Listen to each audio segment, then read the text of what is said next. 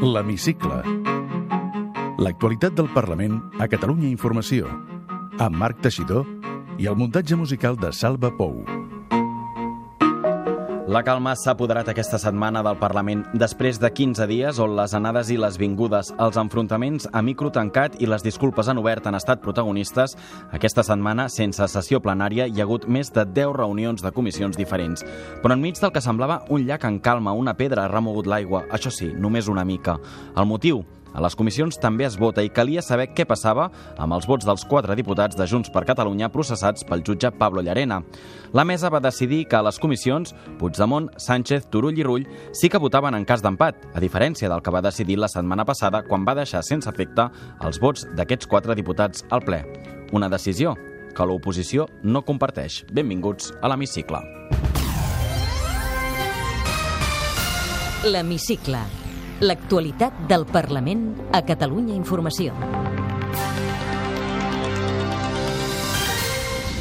Al ple no, a les comissions sí.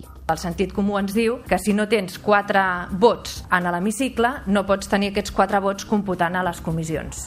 El conseller Buch dona explicacions al Parlament. També els reconec que hem observat situacions individualitzades on el comportament del policia actuant genera algun dubte o alguna controvèrsia. A l'oposició no la convenç i els més beligerants són la CUP. Qui li ha escrit això de l'esquerra independentista radical? O és collita pròpia? Ens pot explicar això, conseller? El vicepresident aragonès també compareix en comissió. I si vostè creu que algun organisme que només defensa els drets d'un sector ideològic el que fa és malversació, hauria de presentar una querella no han estat els únics consellers. També la consellera d'Empresa i Coneixement s'ha explicat en seu parlamentària. I avui ens contestarà en una frase al qüestionari de l'hemicicle... Sergi Sabrià, president del grup parlamentari republicà.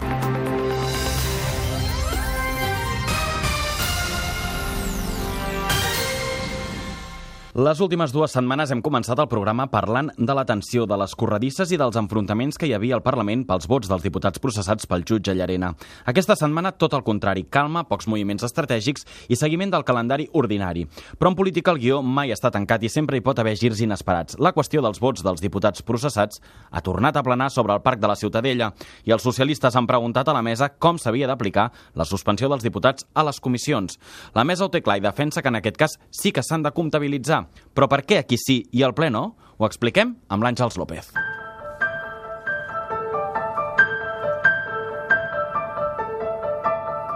Vot ponderat, vot nominal i mantenir el resultat electoral. Conceptes que per entendre aquesta qüestió hem de tenir molt en compte. Àngels, amb què argumenta la mesa l'acceptació del vot delegat de Carles Puigdemont, Jordi Sánchez, Jordi Turull i Josep Rull a les comissions? Doncs amb el mateix criteri que va adoptar mitjans de setembre quan encara no s'havia resolt la situació dels quatre diputats processats de Junts per Catalunya. A les comissions s'han de tenir en compte els resultats electorals, és a dir, que es comptabilitza el nombre d'escons que té cada grup parlamentari, independentment de si hi ha diputats o diputats diputades que hagin delegat el vot o no pel motiu que sigui. Quan s'ha d'aplicar aquest criteri en les comissions? Només quan en les votacions hi ha un empat. A les comissions hi ha representants de cada formació en funció de la seva representació a l'hemicicle i, per tant, es pot donar una situació d'empat. És aquí quan s'aplica el vot ponderat, és a dir, que s'aplica el resultat en funció dels 135 escons. Esquerra Republicana i Junts per Catalunya consideren, en aquest cas, que el que preval és el nombre d'escons que cada partit va aconseguir a les eleccions del 21D. Què hi diu l'oposició? Ni Ciutadans ni PSC units accepten aquest argument i asseguren que no té cap sentit. Des de la formació taronja, Carlos Carrizosa carrega contra el president Roger Torrent i fa aquest advertiment. los presidentes de las comisiones de Ciudadanos acatarán las resoluciones judiciales, obedecerán las resoluciones judiciales en cuanto a la suspensión de los diputados y no aplicarán las medidas ilegales de la mesa. Esto nosotros responsabilizamos a Turren, al presidente Turren, que permite que reine el caos en el Parlamento. El presidente ha querido pasar la patata caliente a los presidentes de las mesas y para nosotros esta actitud de Turren es una muestra del poco respeto que tiene por las instituciones. Des del PSC parla Eva Granados i en un to més calmat retreu la decisió als partits independentistes. En aquests moments, amb la decisió del president del Parlament i de la mesa, un mateix text que en el ple del Parlament el perd el govern si el presentem en una comissió, el guanya. I això és inadmissible. El sentit comú ens diu que si no tens quatre vots en l'hemicicle, no pots tenir aquests quatre vots computant a les comissions.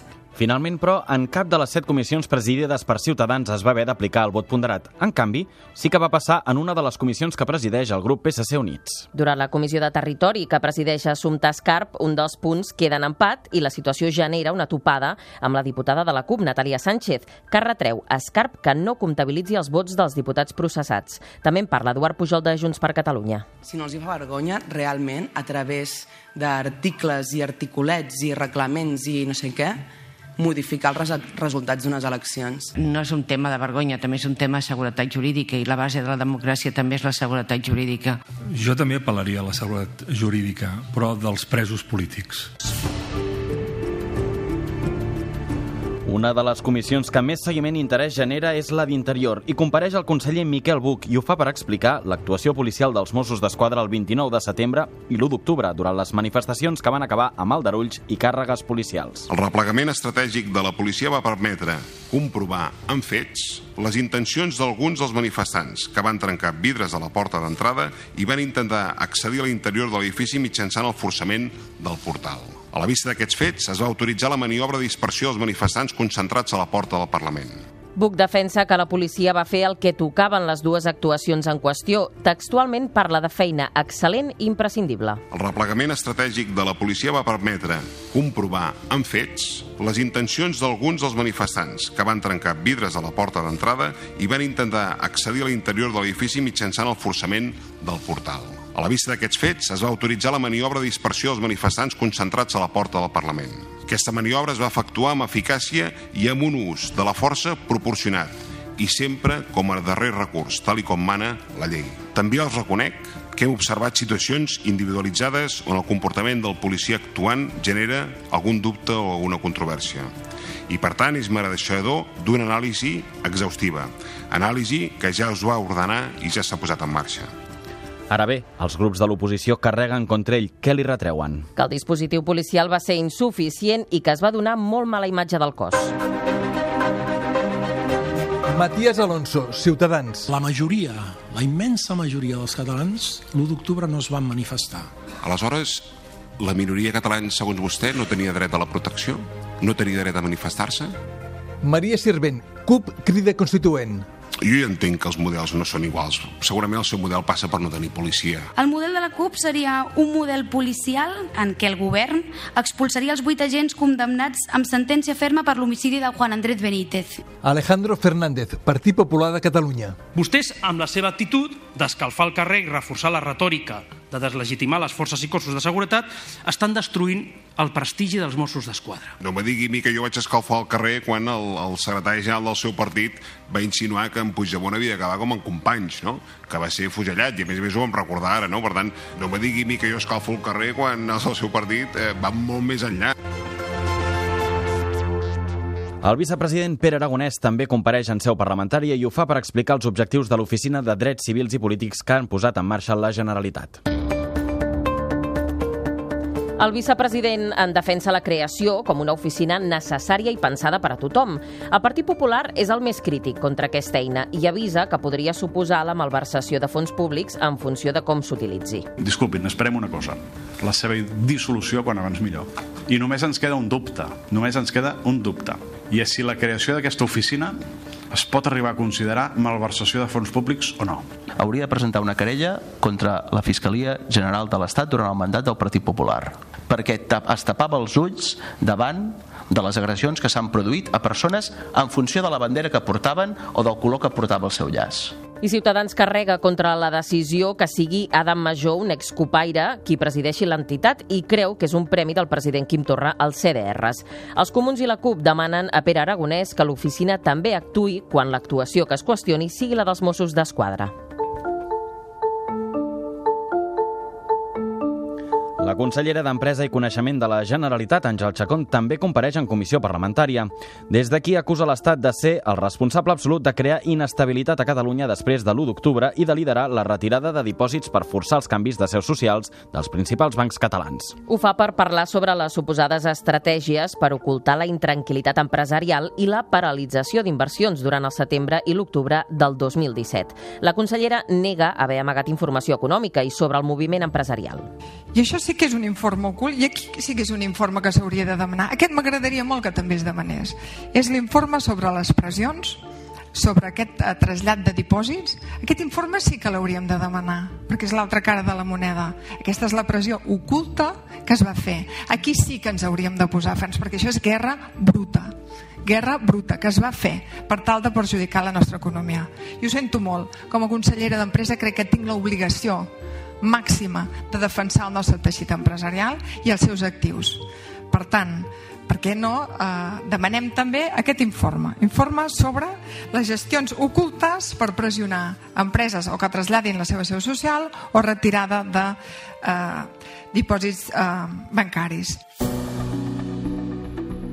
I aquesta setmana hem sabut que un 42% de les persones que van seguir l'últim debat de política general creu que no el va guanyar ningú. Això ho revela l'última enquesta del Centre d'Estudis d'Opinió, el CEO.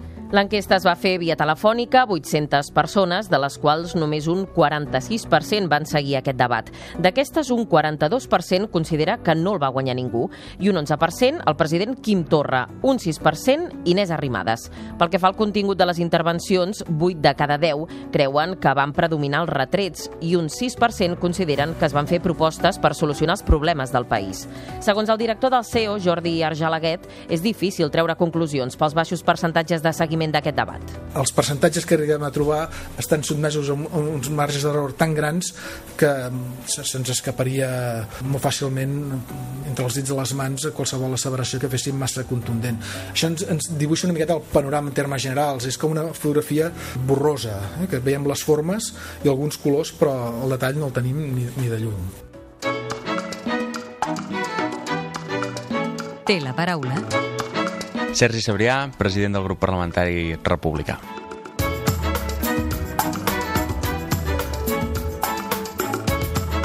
En una frase. Què hauria de ser Catalunya segons vostè? Una república justa, neta i lliure. Creu que la judicialització del conflicte polític català s'ha portat massa lluny? És que em sembla que hauria d'estar a zero i estar a 100, diríem. Per tant, sí, sí, fa molts dies que, que està molt lluny d'allà on hauria de ser. Hi ha presos polítics a Catalunya? Evident. Creu que haurien d'estar, si més no, en llibertat provisional fins que arribi el judici? Crec que no han comès cap delicte i, per tant, crec que no hi hauria d'haver judici. Es diu que Catalunya està dividida entre els qui volen la independència i els qui no. Com es pot solucionar? És que només es pot solucionar votant. Per tant, Esquerra què fa? Doncs té molt clar quina és la seva opció i dedica tot el seu temps a convèncer, però a convèncer per acabar votant. I, en canvi, hi ha una altra part que l'única obsessió és vèncer. Catalunya té dret a l'autodeterminació? Sens dubte. Quin significat té per vostè l'UO i el 9-N? El 9-N és un pas previ. L'UO és uh, un exercici que no, té, que no té marxa enrere. Aquell dia els ciutadans catalans se senten lliures per decidir el futur per primera vegada i això, un cop et sents lliure una vegada, no et deixes que et tornin a presar. Creu que Europa hauria de prendre partit davant el que està passant a Catalunya ja? Hem vist imatges que cap demòcrata el poden satisfer i per tant jo crec que els catalans que són profundament europeistes d'Europa n'esperaven més. Fa uns dies es va perdre la majoria parlamentària quina autocrítica pot fer? Això em sembla un desastre, diríem, perquè era un valor capdalt i a més a més em sembla que de cara en fora també poder explicar que de manera permanent aquest Parlament ha tingut majoria independentista i que tantes vegades com es posin les urnes doncs aquesta majoria es veuria reflectida en els nostres escons era un valor important que avui no tenim però que estem a 5 minuts de tornar a tenir i per tant eh, en el moment en què per registre s'entrin les designacions que és un, un concepte eh, que ens va costar molt de trobar i que complia totes les condicions que requerien que era no acatar llarena però alhora mantenir la majoria però alhora mantenir els drets dels,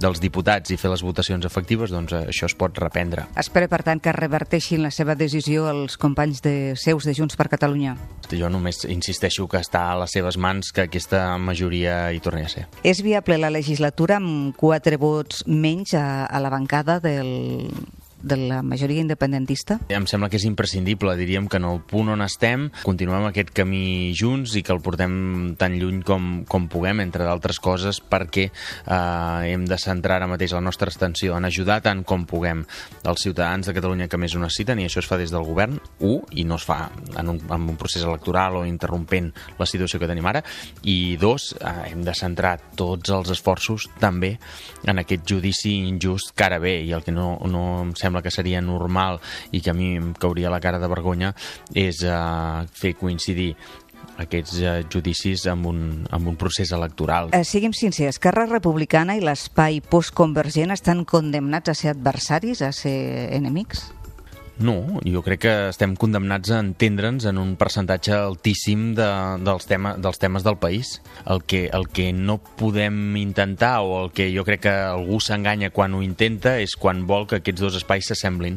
Senyor Sebria, com s'ha de fer perquè tothom tingui dret a una vivenda digna? Per això també volem una república i per tots els valors, per tots els valors que representa. Des d'aquí hem legislat, legislat molt sobre sobre habitatge. Eh, el Tribunal Constitucional ens ho, ha, ens ho ha aturat en bona part. Des del món municipal s'ha treballat també molt sobre habitatge i, per tant, hi ha polítiques i feina a fer, però requereixen recursos i creure-s'ho molt. També és un d'aquells en què hauríem d'aconseguir grans acords i, per tant, caminar tots de, de la mà. I què es fa amb la pobresa energètica? em vas, em vas posant els exemples de tot allò que, que hem intentat, hem volgut ser innovadors, hem volgut fer un pas endavant eh, i, i, i Espanya ens ho ha parat, eh? I, i això em sembla que ho hem d'explicar una i mil vegades perquè, perquè mm, la, la independència no és una obsessió eh, que tingui a veure amb arrels històriques, amb la llengua, no. La, la, la independència eh, per nosaltres a dia d'avui només és una eina per construir un país millor. Quan creu vostè que durarà aquesta legislatura? Seria bo que no fos una legislatura excessivament, excessivament curta i que, per tant, doncs, eh, tinguéssim temps per treballar sobre els temes dels judicis, però també per treballar aquestes uh, polítiques uh, socials i que, mentrestant, doncs, uh, tot el moviment autodeterminista a, a, favor, de, a favor del referèndum, també el, el moviment més clarament independentista, doncs, que siguin capaços de traçar un camí junt i conjunt i, i que puguin anar avançant. I crec que això doncs, uh, seria bo poder-ho fer uh, dintre d'aquesta legislatura, seria bo poder-ho fer amb una, amb una, amb, aprofitant aquesta majoria parlamentària que és la que va manar de les, de les urnes. Quina és la llei que li agradaria aprovar a vostè abans d'acabar? Uh, M'agradaria poder reformar totes les lleis de l'audiovisual del país. És una mica la, la meva llei o la que em sento meva perquè ja et dic que he sigut membre de la ponència fins a tres vegades. Cap de les tres hem aconseguit arribar fins al final i per tant m'agradaria molt i no ho dic només perquè avui m'estigui entrevistant a la ràdio pública del país. Per què es va dedicar vostè a la política? Per què va decidir-ho? O sigui, jo vaig començar a estudiar economia, vaig trobar que allà hi havia un excés de números pel que jo era capaç d'assimilar i vaig reenfocar els meus estudis cap a les ciències polítiques i de l'administració en aquell moment en molt més interès per l'administració que, que, no pas, que no pas per la, per la política poc a poc alguns companys de viatge imprescindibles com, com en Carles Mundó, en Josep Maria Jové, que avui continuen sent companys meus, que ho tenien molt més clar i que, que ho van fer molt abans que jo, em van anar estirant i aquesta aventura em va portar un dia a presentar-me a les municipals del meu poble i acabar sent alcalde de, de Palafrugell i és bàsicament d'aquesta alcaldia eh, d'on comença tot aquest viatge. I quan deixi de dedicar-se a la política, eh, què pensa fer? El que segur que faré és buscar una feina, una feina més a prop de casa, intentar doncs, estar més temps amb la, amb la família, amb la, amb la meva companya, amb la meva filla, i això jo bueno, en tinc moltes ganes. Vostè té mútua o va a la sanitat pública? Tinc una mútua pis de lloguer o de propietat? Visc en una casa molt vella que he anat arreglant a poc a poc, que era de la, de la família. Cert o fals que en la política i en l'amor tot s'hi val? A mi no em sembla que tot s'hi valgui. A mi em sembla que encara hi ha uns uh, valors uh, al capdavant que no ens hauríem de saltar. Amb quin diputat que no sigui del seu propi grup compartiria taula i digui'm en un? Amb l'Alicia Romero, dels socialistes. Digui'm un pecat confessable. No sé si un, una bona taula i un, i un bon vi és un pecat confessable, però és un vici que m'agrada. Quin és el seu paisatge favorit? Em serveix a qualsevol d'aquell tall de Costa Brava que va des de Begú fins a Palamós. I els seus hobbies?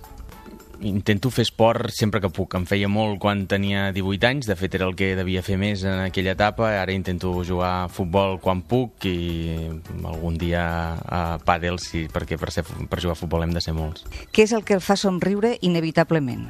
Els meus amics. A què té por? A, a fer-me gran.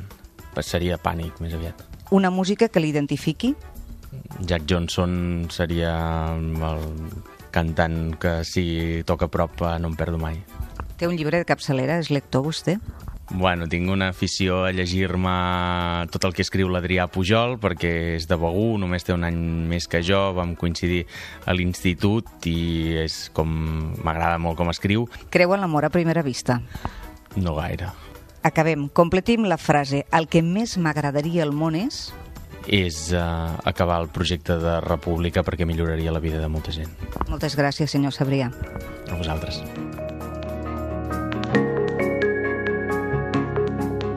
Podeu tornar a escoltar l'Hemicicle al web catradio.cat barra hemicicle o al podcast del programa i seguir l'actualitat del Parlament al perfil de Twitter arroba L-hemicicle.